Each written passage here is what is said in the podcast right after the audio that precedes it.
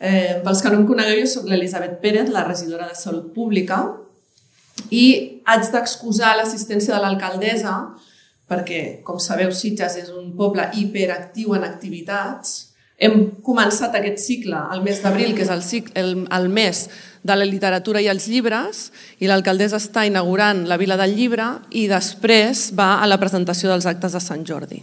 Amb la qual de veritat que ho han intentat encaixar, però al moure-li el que tenia davant mitja hora ha sigut impossible encaixar-ho. Jo us volia explicar una mica per què estem aquí i com hem arribat fins aquí. Um, hem arribat fins aquí pels infarts. No us espantéssiu, però si jo us pregunto um, quin és el símptoma d'un infart, en què penseu? En opressió de pit, mal al braç, no? més o menys? Sí? Estem pensant tots el mateix? Vale.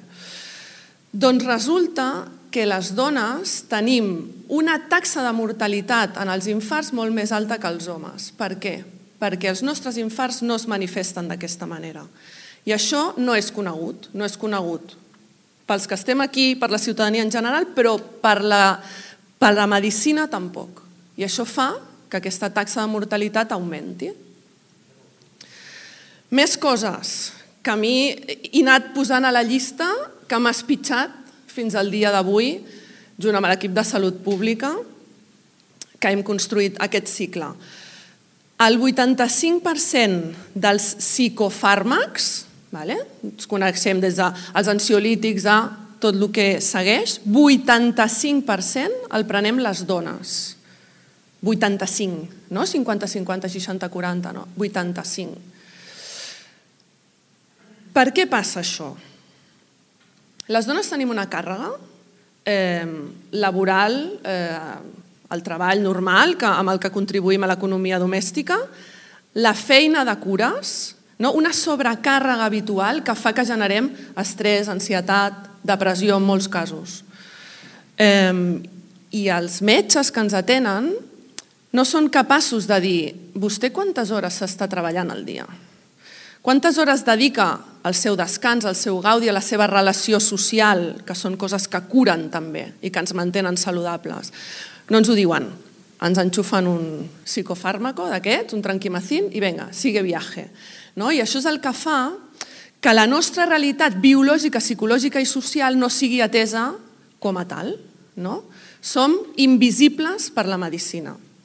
I aquesta expressió no me l'he inventat jo, aquesta expressió li he agafat, eh, se l'he cogido prestada a la Carme Valls, que és una doctora eh, especialitzada en viatge de gènere, que ella explica que quan va amb xerrades d'aquestes, eh, el que els hi recomana amb les dones és que s'apuntin a fer activitats, que vagin a fer ganxet, que vagin a fer coses que els ocupin el temps d'una manera gratificant per evitar aquesta sobrecàrrega que ens condueix de forma generalitzada, no, vull dir, no, però bueno, 85 és una dada important, aquest consum de psicofàrmacs no? i que una mica li donem la volta.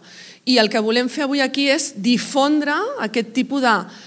Primer, el fet diferencial de les dones i després, ostres, que es visualitzi que no se'ns està mirant ni se'ns està tenent en la nostra realitat no? que és diferent i que el prisma és sempre el del patriarcat i el de, de la salut masculina, diguéssim. Quan nosaltres tenim en moltes coses eh, un fet que ens diferencia. Hi ha un segon objectiu amb aquestes xerrades, el de fer caure mites i tabús. Jo aquí us vull explicar eh, una cosa que, que una, una, una conversa que em va passar que exemplifica molt com aquests tabús ens han coartat molt la llibertat a les dones.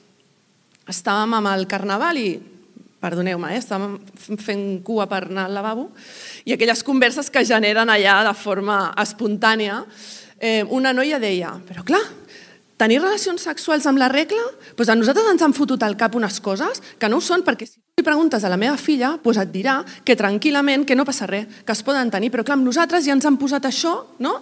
aquests límits a la llibertat de viure el nostre cos tal com és. No?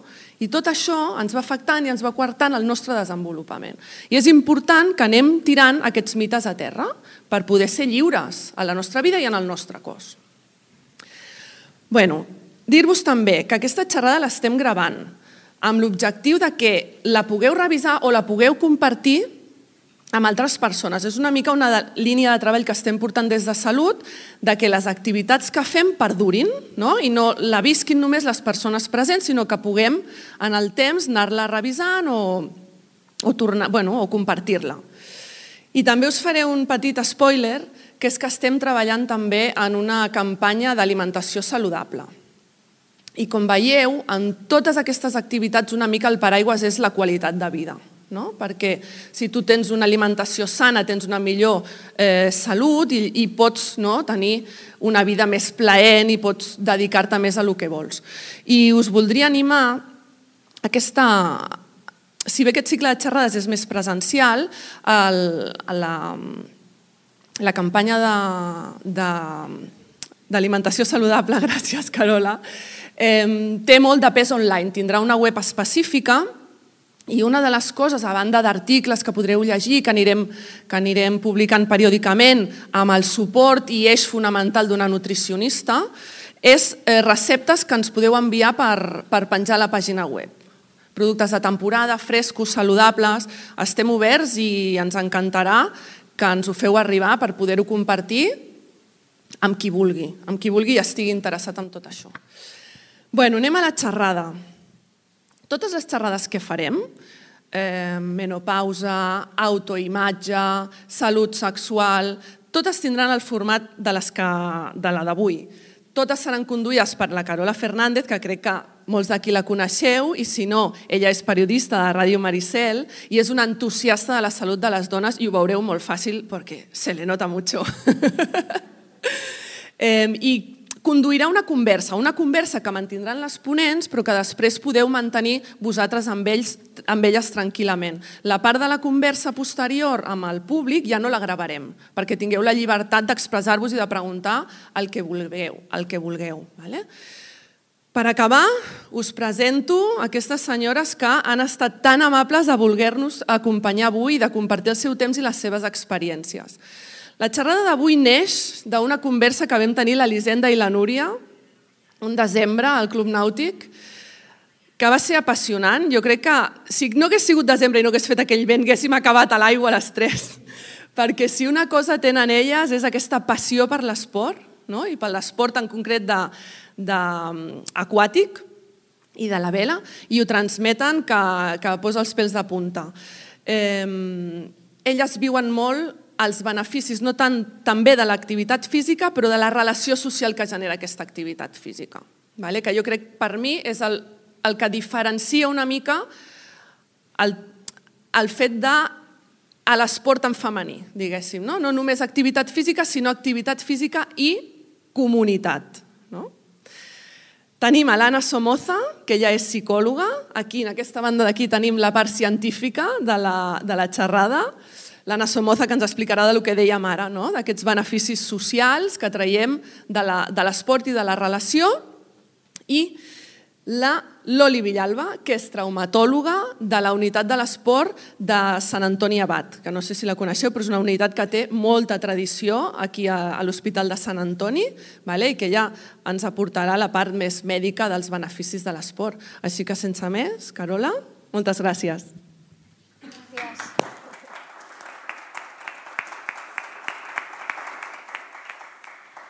Gràcies, Eli. Gràcies, regidora. Eh, serem formals, tot i que la intenció és que no ho sigui gaire, eh, perquè la intenció és que això sigui una, una conversa distesa on parlar eh, doncs això d'esport i salut en clau femenina, perquè ara ho comentava la regidora, jo crec que aquests greuges comparatius, aquestes diferències entre home i dona en el món de l'esport són molt visibles i les reconeixem tots molt fàcilment en l'esport d'elit, no? En els grans esportistes i les grans esportistes on normalment les dones costa més eh, que siguin visibles, no? en, sobretot en determinats equips.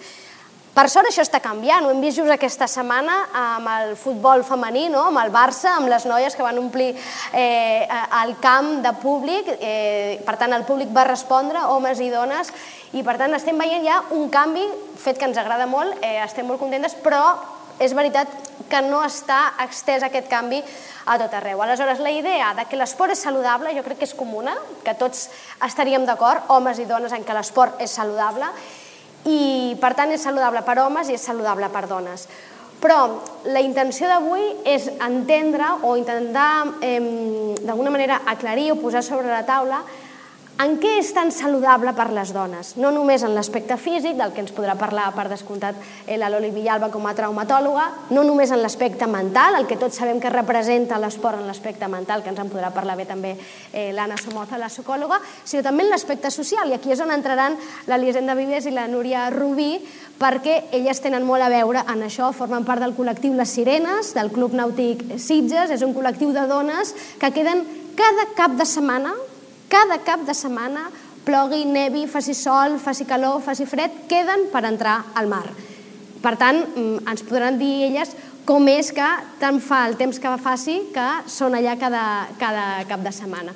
I si us sembla, comencem, i jo d'entrada començaria, si et sembla, Loli, comencem eh, per tu, i parla'ns d'aquests beneficis físics no?, que sabem que tenen les dones i eh, si podem d'alguna manera explicar si, que, si són igual de beneficiosos en totes les etapes de la vida o no, perquè les etapes de la vida jo crec que són importants, en el cas de les dones són molt importants, no? tots sabem, passem per la infantesa, no? per l'adolescència, l'etapa adulta no? i l'etapa més gran.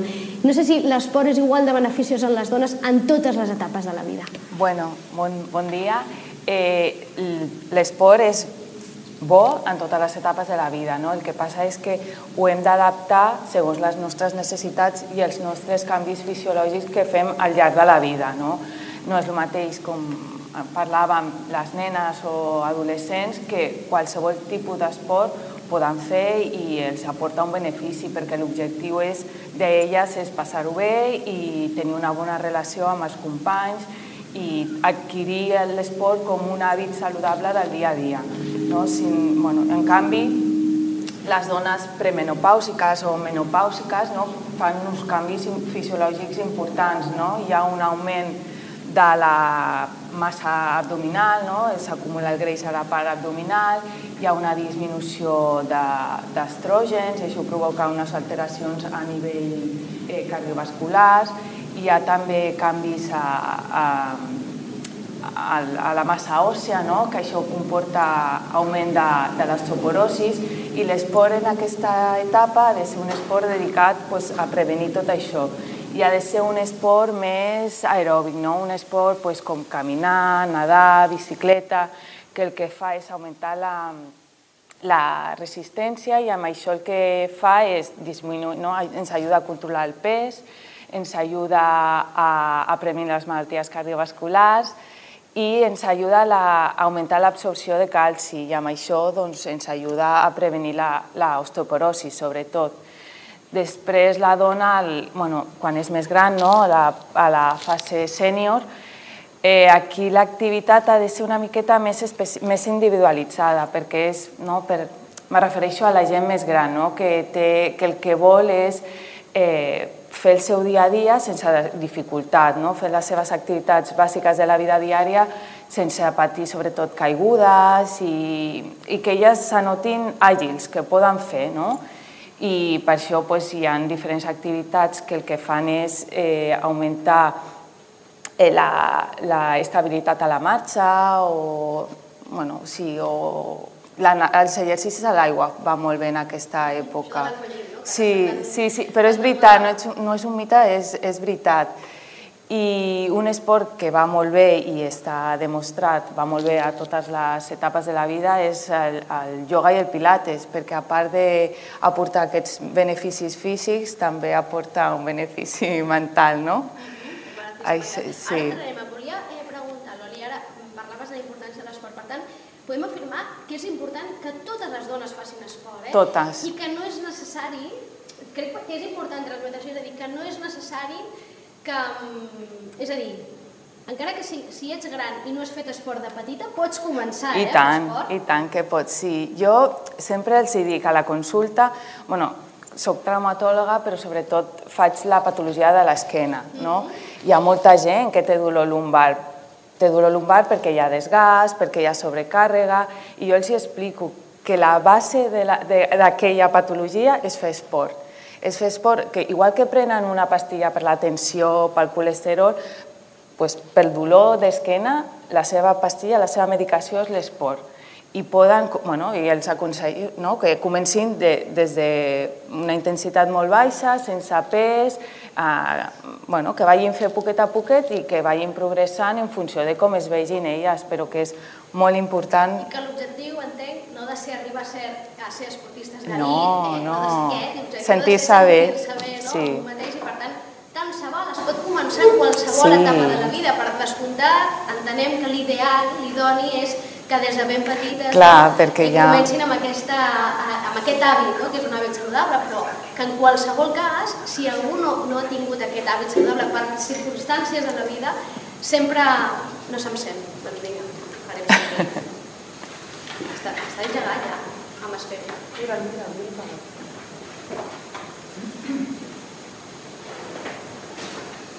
A veure, ara... Sí? Vinga, el que deia, eh? que, que, que és important, jo crec, aquest concepte de que podem començar amb l'esport en qualsevol edat i això després en parlarem. Seguim, si, si, si us sembla, que parlàvem dels beneficis, no? d'aquests beneficis físics evidents, no? que els comenta la pròpia traumatòloga, parlem amb la, amb la psicòloga, amb l'Anna Simoza, uns beneficis dels que ja feia menció eh, la Loli Villalba, no? uns beneficis eh, mentals, uns beneficis eh, psíquics, no? és a dir, fer esport no només ens ajuda a, a que el nostre cos funcioni millor no? i que al llarg dels anys i que envellim millor, també sí. entenc que envellim millor, sinó que també ens ajuda a que la nostra ment funcioni millor. Exacte. Eh, ella ja ha fet una, una molt bona introducció, eh, però bueno, jo us puc parlar de la meva experiència tant professional com personal. Jo sóc psicòloga clínica i a part d'això doncs, eh, he practicat esport i segueixo practicant esport des de la, des de la infància. No?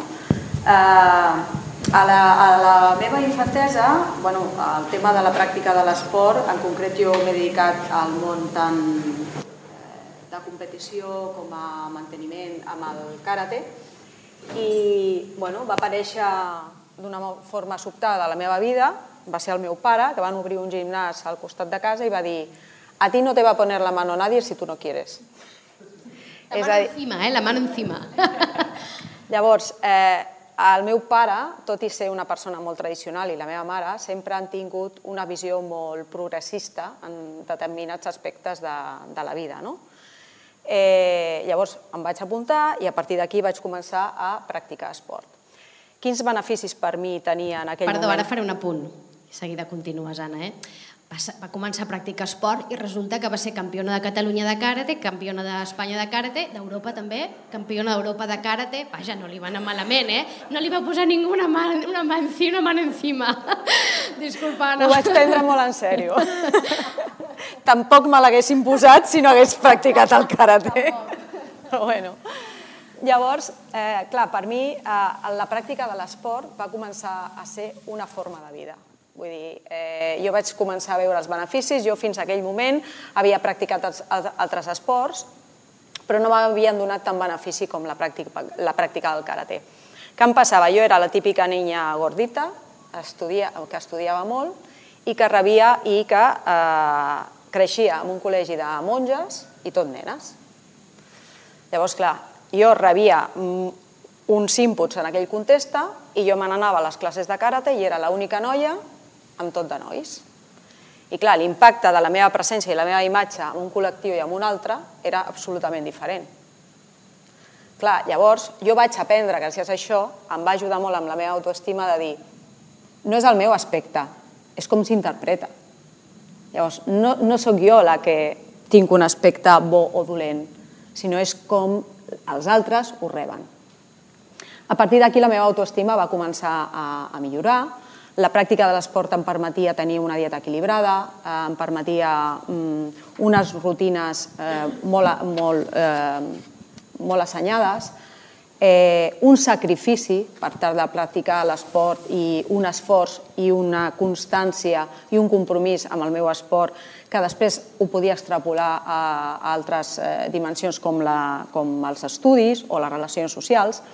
I a part d'això, doncs, eh, estem d'acord tots que l'esport augmenta els, el nivell de concentració, augmenta... Per què? Perquè mm, eh, augmenta el nivell i capacitat d'aprenentatge, perquè l'esport s'ha vist que practicat des de la infància interconnecta molt més tot el sistema neuronal de l'hipocamp, no?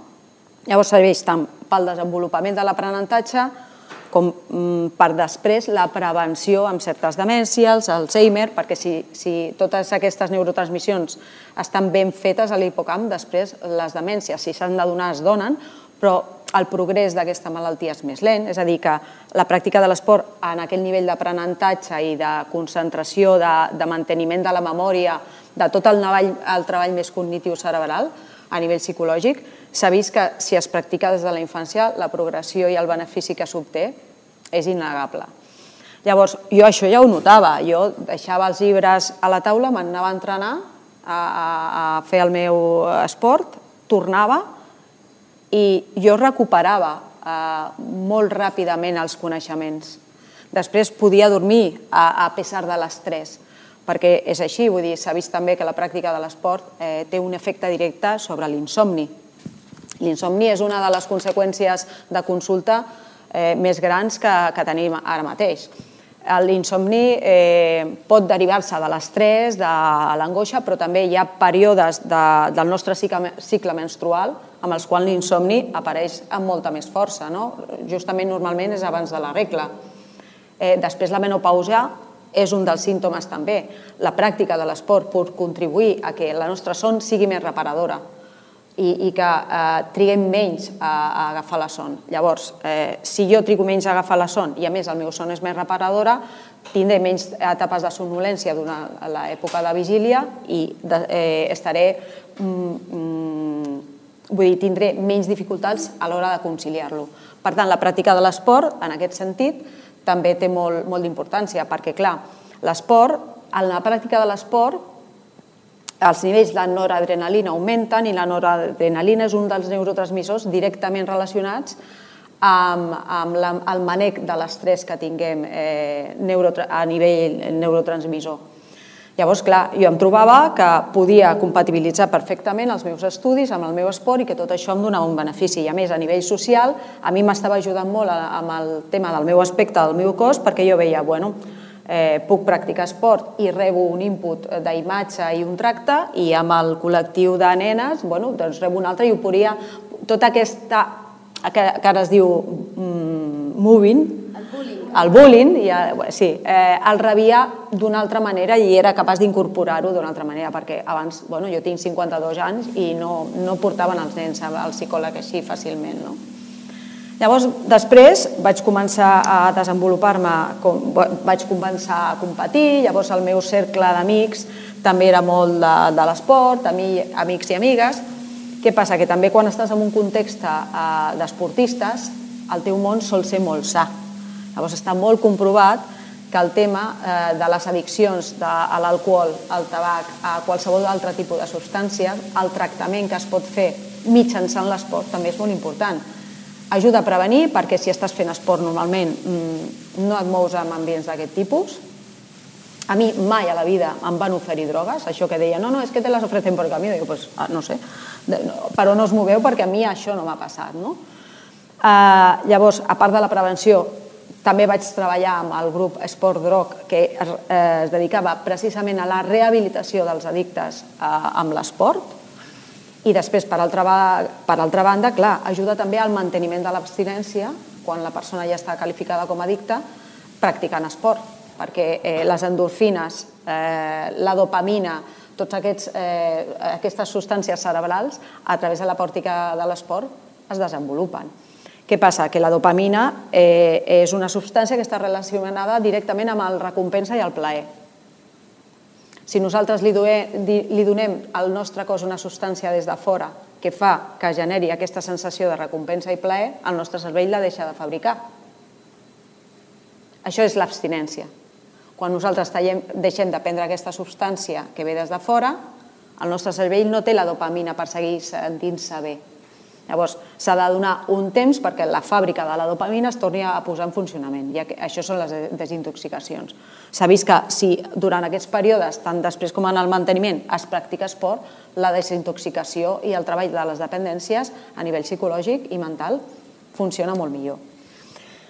Llavors, eh, un cop jo vaig començar-me a competir a la meva joventut i tal, eh, socialment, amb, eh, clar, et mous amb aquests aspectes, amb aquests contextes molt sants. Després ja vaig eh, eh, deixar de, de competir, vaig eh, eh, començar a estar en parella, vaig tenir els meus dos fills i tant en el moment de quedar-me embarassada, durant tot el meu embaràs, com un cop els vaig tenir, com després amb els meus fills, l'esport va ser fonamental. Jo vaig haver d'anar eh, eh, equilibrant, no? I adaptant el meu moment a l'esport, però no vaig deixar de practicar esport. Llavors, les dificultats que hi ha a l'hora del part són molt, molt millors, es poden treballar al postpart i al prepart, eh, si tu fas un esport adequat, el to muscular, la manera com després pots desenvolupar-te a l'hora de, de donar a llum al teu fill, la recuperació posterior després de, de tenir un fill, eh, s'ha demostrat científicament oi, amb estudis que eh, és, és molt més bona i molt més ràpida. A partir d'aquí, després, eh, clar, què passa? jo anava a caminar amb els meus fills. Jo vaig tenir, eh, es, es porten un any, que són aquests dos jovenets que hi ha aquí, i jo anava amb tots dos a fer esport. Si no podia córrer o anar al gimnàs, o, pues, pues m'anava a caminar. O només de portar la nena aquí ja intentava accelerar el pas i ja la cosa ja funcionava i la meva recuperació va ser molt bona. I bueno, sempre l'esport ha estat una part de la meva vida. I ara mateix, amb la premenopàusia, perquè tinc 52 anys, jo la veritat és que m'expliquen moltes amigues tot el que els hi passa i jo de moment, no sé si és per l'esport, crec que sí, i per un tipus de vida saludable, jo em trobo bé. Jo no tinc eh, insomni, algun dia, com tothom, i si el tinc, el dia següent vaig al gimnàs i faig més esport. Vull dir, eh, és això, eh, i espero que la meva, la meva bellesa sigui en aquesta línia, perquè, clar, eh, vull dir, de, de, de poder sociabilitzar a través de l'esport, de portar una vida sana a través de l'esport i de que el meu cervell, d'alguna manera, hagi fet ressò de, de tota aquesta vida que, que he portat i que pretenc mantenir.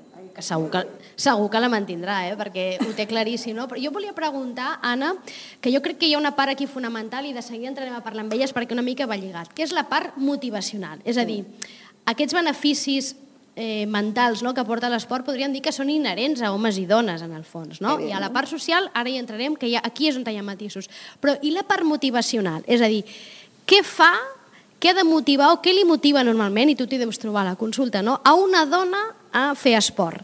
Perquè probablement aquí també hi ha canvis, no? És a dir, el que motiva un home a fer esport probablement moltes vegades també tenen, és més inherent a ells, però clar, en determinat moment o en determinada etapa de la vida de la dona, doncs ara parlaves no? de la maternitat, nens petits, la feina, escolta'm, vas atrafegada, que dius, no tinc un minut per pentinar-me, tindré una hora al dia per anar a fer esport. Eh, és impossible, fas els teus càlculs i dius, no, és que no, no em dóna temps. No? Aleshores, Quina és la, on hem de trobar, on hem de, on hem d'anar a buscar la motivació? Queda clar que hi ha tots aquests beneficis, no? però i la part motivacional, què ens ha de motivar les dones a fer esport? O què ens, I què ens motiva? Suposo que, que cada dona, en funció del seu moment, pot trobar la motivació en coses molt diferents. Hi ha dones que han trobat la motivació en el fet de, bueno, doncs, eh, a l'adolescència, normalment a la infància et dirigeixen més els pares, no? Mm -hmm. però a l'adolescència doncs, dir, bueno, doncs, eh, no em trobo bé amb el meu físic, no? I vull... O... més imatge, no? Més imatge, no? Ja quan, quan anem, anem creixent trobem altres tipus de motivació que també ens poden enganxar, no? Eh, a, la, a, la, a la etapa més adulta és que jo crec que l'esport eh, practicat com una manera d'amor propi és la base de tot. Vull dir, eh, quan tu arribes de la feina i te'n vas al gimnàs, tornes a casa menys cansada del que havies arribat.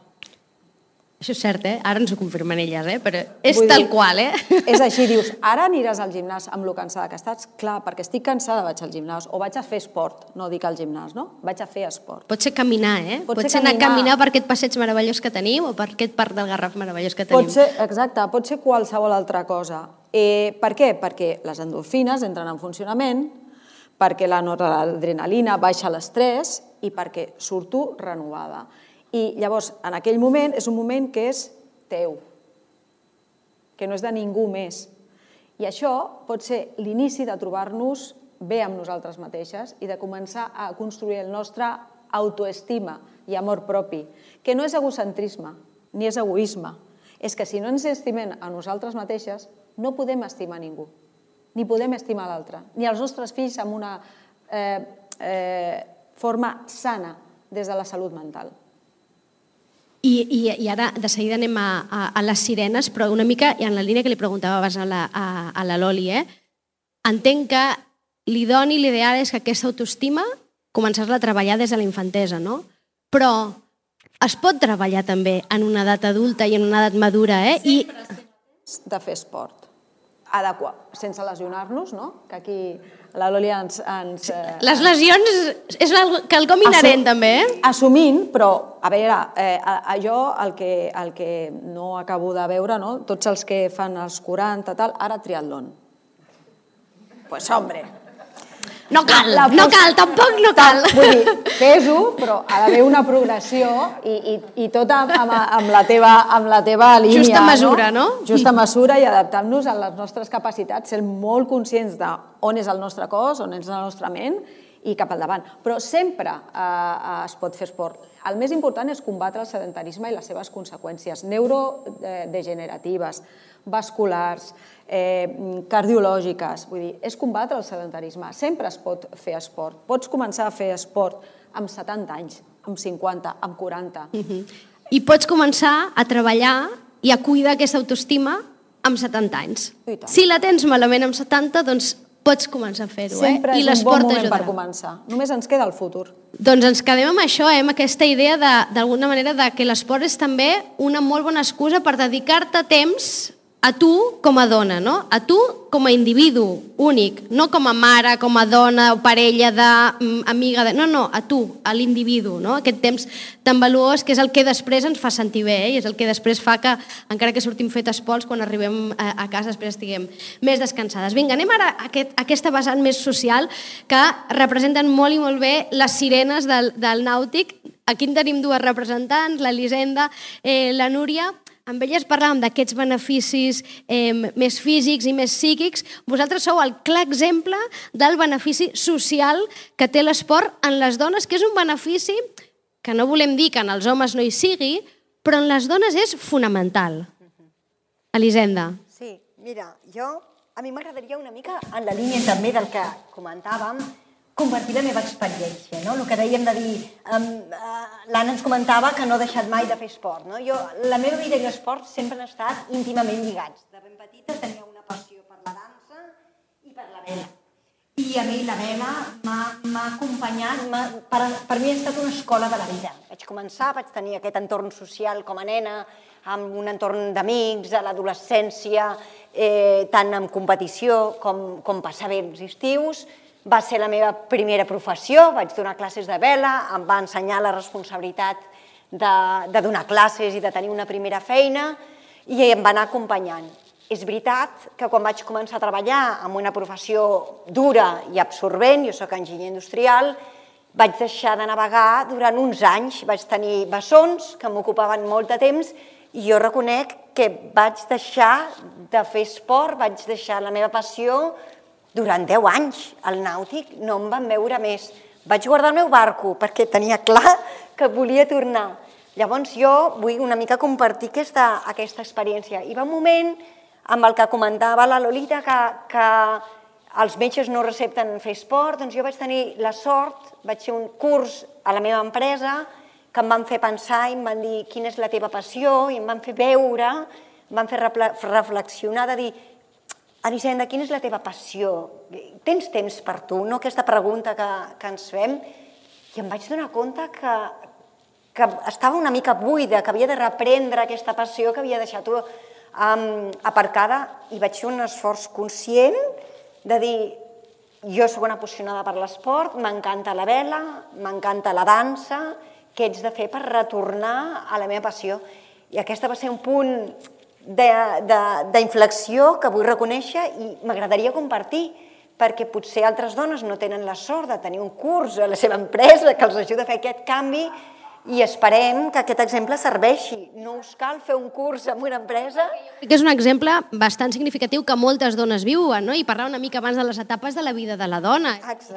El moment en què entra la maternitat, eh, la vida et fa com un gir eh, bastant heavy, no? I en, Molt molts, heavy. I en molts casos doncs, passa que, com, eh, com a tot, no? que la prioritat passen a ser els fills i aleshores arracones moltes altres coses, i en aquest cas va ser l'esport, no? Jo vaig fer l'esforç conscient d'aprendre que a la millor pues, altres dones no fan aquest esforç o potser l'hagués pogut fer abans, perquè em vaig esperar 10 anys a, fer aquest canvi. No? Jo estic molt orgullosa d'aquest canvi, però el que vull és que, que una altra persona no hagi d'esperar-se 10 anys per fer-ho.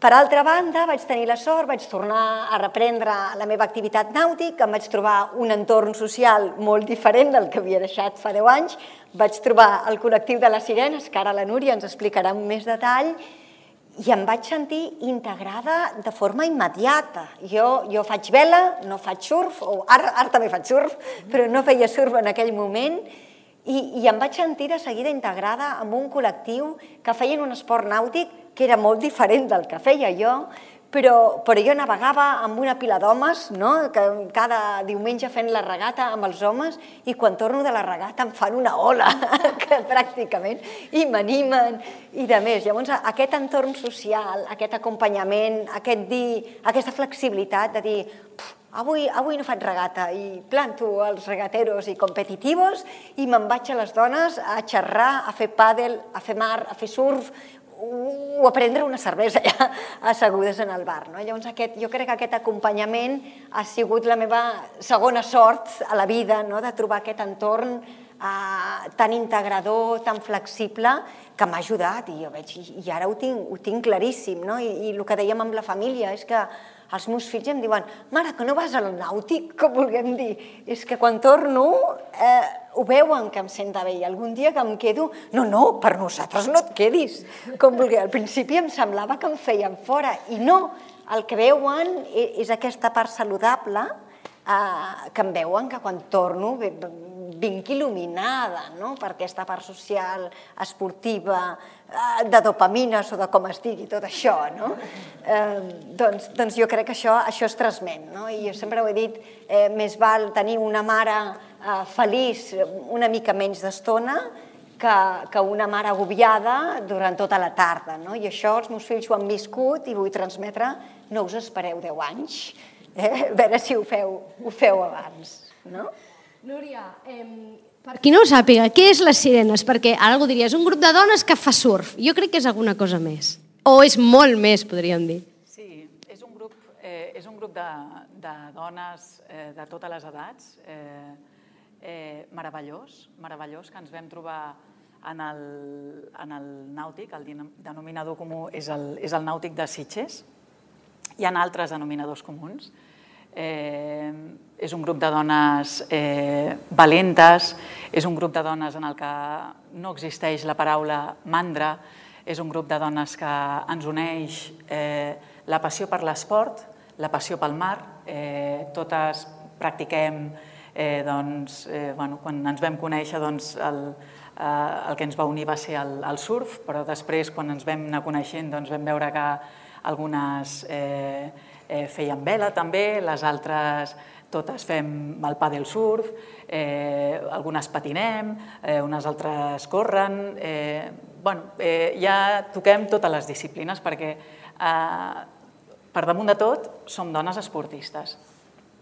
Però a part de ser dones esportistes i de ser dones que, que eh, ens agrada l'esport, eh, n'hem fet una, una forma de vida. És a dir, per nosaltres, eh, els caps de setmana, eh, el, el nostre lloc està en el club, en el, en el nàutic de Sitges, eh, ens apassiona arribar d'hora al matí, eh, calçar-nos el, el, el neoprè i entrar al mar, eh, faci fred, com dèieu abans, eh, nevi, hem entrat amb neu, hem entrat amb, amb, amb pluja, eh, onades grosses, onades petites, pràcticament sense onades, perquè som unes apassionades i perquè eh, el surf i, i, i tot aquest esport i l'estar juntes ens ha portat molts, molts, molts beneficis eh, que van molt més enllà de, de beneficis físics, que, que hi són per descomptat, però també jo crec que ens ha portat doncs, un,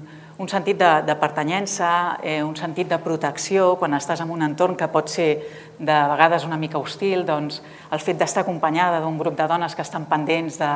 Eh, hi, ha, hi ha molt de companyerisme i, i bueno, jo només, eh, vull dir, puc eh, recomanar eh, aquest, aquest estil de vida eh, que, que per nosaltres ha sigut, jo crec que per totes nosaltres, ha sigut com un, una, una taula de salvació, no? eh, eh, i que, que animo a tothom a que, a que sàpiga trobar, eh, pot ser el surf o pot ser eh, el que sigui, però que sàpiga trobar l'esport que en majúscules eh, li aporti tots aquests beneficis perquè realment eh, poden fer la teva vida totalment diferent. Entenc que és que amb l'esport comença eh, quelcom que acaba convert, o sigui, que acaba gairebé reconant l'esport en el sentit que deixa de ser gairebé el principal l'esport. És el que uneix, no? però després deixa de ser el principal. El principal és estar juntes, compartir. Estem parlant de dones de diferents edats, molt, edats molt diferents, que potser no s'haguessin trobat mai a la vida si no hagués estat per això, no? És a dir, perquè, doncs això, professions diferents, eh, situacions vitals diferents, per tant, i, i tot això heu trobat aquí com eh, la companyia, l'acompanyament, no? la sororitat, no? que ara està tan de moda eh, aquesta paraula, és que és justament això, és aquest... Eh, estic aquí amb tu no? i t'escolto a tu com a dona i prou, no com a res més, no com a professional, no com a mare, no com a parella, no? a tu l'individu, la dona, no? i que a més a més entenc que hi ha com un, un compartir càrregues, no? que aquí també hi ha moltes coses comunes, no, Núria? Sí, nosaltres estem eh, a dins de l'aigua, a sobre de les nostres tables, eh, esperant que vingui l'onada i de vegades l'onada triga eh, eh, perquè som... Sí, sí, clar, no estem, en, un altre no debat. estem a Hawaii, no estem a Hawaii. I clar, aquests moments de complicitat que es donen eh, entre totes nosaltres a, a dins de l'aigua eh, són moments de, que, que no estem fent res, però estem doncs, eh, eh, bueno, afegint, no? eh, eh, com diria, afegint molt de valor a, a, i al final no només som un grup de noies que estem fent un esport en comú, sinó que som un grup d'amigues. Eh. Jo adoro a tot aquest grup d'amigues que són dones meravelloses i que eh, no només perquè són esportistes i són grans, eh, tenen grans valors, sinó eh, bueno, per, per tota una sèrie de, de, de, de coses positives que tenen totes plegades. No? Jo crec que hi ha un, un punt important en, en aquest grup, com podria haver-hi en altres grups de dones no? que, que us uneix l'esport, i és aquesta capacitat d'admiració no? Eh, entre vosaltres, no? l'una vers l'altra. No? Més enllà de que alguna pugui competir i guanyar o no guanyar, tant se val. És aquesta admiració profunda entre vosaltres no? per allò que esteu fent, que potser algú altre ho veuria com, quelcom no important no? o no destacat, però vosaltres sabeu, valoreu què és allò, no? que és aquell moment que destines a tu no? i aquesta doncs, això admiració entre, entre vosaltres, a diferència que potser, i aquí per entrar en el matís, no? que una mica és el que ens portava aquí, d'entre els homes on acostuma a haver més competició. Elisenda, tu això ho veus molt amb la vela, no? que és un ambient... Acostumen els homes a ser molt més competitius. Ells no valoren tant això de l'estar juntes i aquell moment, no sé què, sinó vamos a muerte. Sí, sí. Jo, jo ho reconec, ho reconec i a més a més soc persona molt, molt meditativa d'alguna manera i deliberadament, jo hi ha dies que vaig al nàutic, cuchillo en boca, a la regata, a muerte, a guanyar tota aquesta panda d'homes que sóc feminista. Us eh? De que em guanya moltes regates. Segur, segur, no ho dubtem. Tal, els dies que surt poc vent les guanya totes. Home, és que a més, i aleshores després és com ve la onada de les amigues, no? Exacte, Orgulloses exacte. de que la Però victòria. Aquest, aquesta decisió conscient de dir, jo hi ha dies que necessito i sóc una persona competitiva i guerrera i luchadora i perfeccionista i vaig a la regata a muerte i hi ha dies que no, i em venen, no, Eli, avui fa poc vent, va, que avui faràs, aniràs bé. No, avui me'n vaig amb les sirenes. I avui em toca una altra cosa, em toca fer esport igual, però em toca aquest acompanyament, aquest compartiment i, aquest d'això. I, i de forma conscient jo crec que això és molt sa. I m'ha costat molts anys d'aprendre també. Eh? Eh, és molt sa aquesta decisió, avui em toca fer això. I avui el meu cos o la meva ment o el meu estat mental em demana fer una altra cosa. I, i la gran sort és que dia que vaig a la regata doncs les sirenes ni em retreuen res, fantàstic, ens veiem després a la, a la cervesa, i quan em vaig a la sirena, amb, amb les sirenes, pues els regateros tampoc em diuen res, més enllà de va, va, Eli, que et trobarem a faltar, que no sé quantos, o sigui, al revés, un reforç positiu, no? I, Home, i és veritat...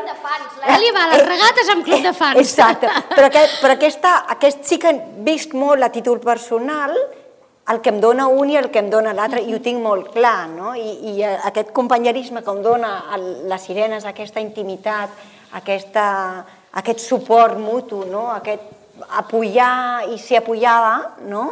Eh, mentre que a millor el, el col·lectiu dels regateros, que dic jo, pues et dona una adrenalina, una competició, un esperit de superació pues, molt diferent.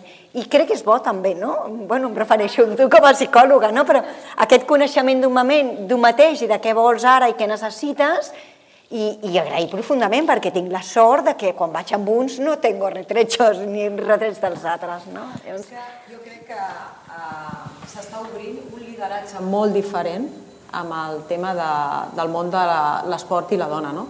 L'altre dia, per exemple, amb el, aquesta menció que has fet tu del futbol femení, sí, femení que es va omplir, un Barça-Madrid, una, la millor, que està catalogada com a la millor eh, practicant de, de futbol de l'equip. D'Alexia Potelles? No, no, no recordava el seu nom. sí. Es feia fotos a la sortida amb els seguidors del Madrid uh mhm. -huh. sense cap tipus de problema. Vull dir, per mi això és, és que alguna cosa està canviant i vull està creure que alguna cosa està canviant, perquè jo crec que el, lider, el tipus de lideratge femení en el món de l'esport aporta un tipus de valors i un tipus d'essència que és diferent amb la que ja està molt vista i molt desgastada del món de les, de les homes. I això és un producte de consum que crec que funcionarà que funcionarà, que s'està obrint i que ara mateix eh, ja s'està veient al nostre abast eh, símbols d'aquest rebrot. És que jo crec que també es veia en el Barça i crec que en casos com el de les sirenes no, és evidentíssim, no? És aquest eh, sentiment de tribu, una mica, Exacte. no? De eh, som totes d'una mateixa tribu, no? més enllà que després puguem ser rivals fins i tot a, a, al camp, no? és a dir, Barça-Madrid, no? en aquest cas, que això era impensable, no haguéssim vist mai a la vida un futbolista del Barça fer-se la foto amb els socis del Madrid, l'haurien apedregat. I això no ha passat amb les dones. No? Aquest sentiment de tribu és justament el que senten el que transmeten les sirenes no? i altres grups de dones. No? De, jo formo part d'això, no? de tot això, que el nexe d'unió és l'esport, que té tants beneficis mm, evidents, però és alguna cosa més, és que les dones ho veuen com ens aporta alguna cosa més. És un vincle, un tipus de vincle que s'estableix i que entre, entre un grup i que, i que en aquest cas pot ser l'esport, en un altre cas pot ser alguna altra cosa, però l'esport eh, és com estem unides per això. I després podem tenir les nostres diferències que mai seran jutjades i cap tot. Mira, jo, jo, jo volia comentar, perquè jo estic de directiva de la Federació Catalana de Vela i justament estem fent un, un, un estudi sobre la dona de, i l'esport. Quantes dones sou a la, a a la, la Junta Directiva som menys d'un 20%. Ho sé, i és més, estem fent un estudi per veure no només quantes directives hi ha a la federació, sinó a la resta de clubs. Bé? Hi ha un 15% de directives als clubs. Val? Però a lo que anàvem de l'esport, estem fent un estudi i hi ha quan comencen a les escoles a fer vela, hi ha un 50-50% de nens i nenes no? associats a nanos que estan a l'escola, perquè molts venen de les escoles on hi ha pues, pues, el personal que ve bé amb el mateix mix que a les escoles. Però després nanes, nenes o, o adolescents que continuen a l'esport de la vela, tant en vela esportiva com en, en, de lleure com en competició, doncs aquí ja passa el 60 o 60-40, 65-35, i això són datos de la federació recents de fa, de fa un parell de setmanes. No? I, I el que volem és què fa que començant a un, amb temes de paritat amb tema de competició o d'esport de lleure, perquè precisament la vela no és un esport especialment masculinitzat, què fa que les nenes no continuïn tant. Jo crec profundament que és un, un tema social, de role model, de prioritats potser, i hem d'entendre a nivell social què podem fer per, per millorar això. Potser és un tema de competitivitat, potser no hem d'oferir només una competició, sinó aquest entorn social que a la millor les nenes valorarien més. No? O sigui que jo crec que és un punt com a societat a treballar, com a, com a federació, evidentment, com a clubs, però també com a societat. De fet, hi ha molts estudis eh, que ho diuen que l'adolescència és un moment on les dones deixen de fer esport. Sí, sí. Mm, no, entenc que l'estudi determinarà quins són els motius principals, però passa. Jo crec que això té molt a veure amb el que s'ensenya. És a dir, amb l'esport d'elit, no? amb el que veiem, perquè veiem esports, eh, veiem molts homes competint en el nivell i no ens ensenyen, o fins ara no ens han ensenyat gaires dones, i això, doncs, en aquesta edat de l'adolescència, si no tens referents, és molt difícil no? que, que tu vulguis continuar eh, fent esport. Jo us agraeixo profundament que hagueu vingut, ho haurem de deixar aquí, perquè és que si no això ens podem allargar aquí fins a les 4 de la tarda, perquè tenim rotllo, és una cosa, jo no sé si també molt inherent a les dones, això de... molt molts... A part eh, del llenguatge. doncs ens quedarem amb això. Podeu, podeu agrair perquè tenim allà la Carme que des del nostre Home, punt de vista la Carme és el cor de les sirenes i volia almenys mencionar a la Carme Rami, eh? que és la que, no? és el cor, és la que des, des d'un principi no? va començar a crear aquest ambient no? I, i la vull mencionar perquè crec que s'ho mereix. Sí, probablement...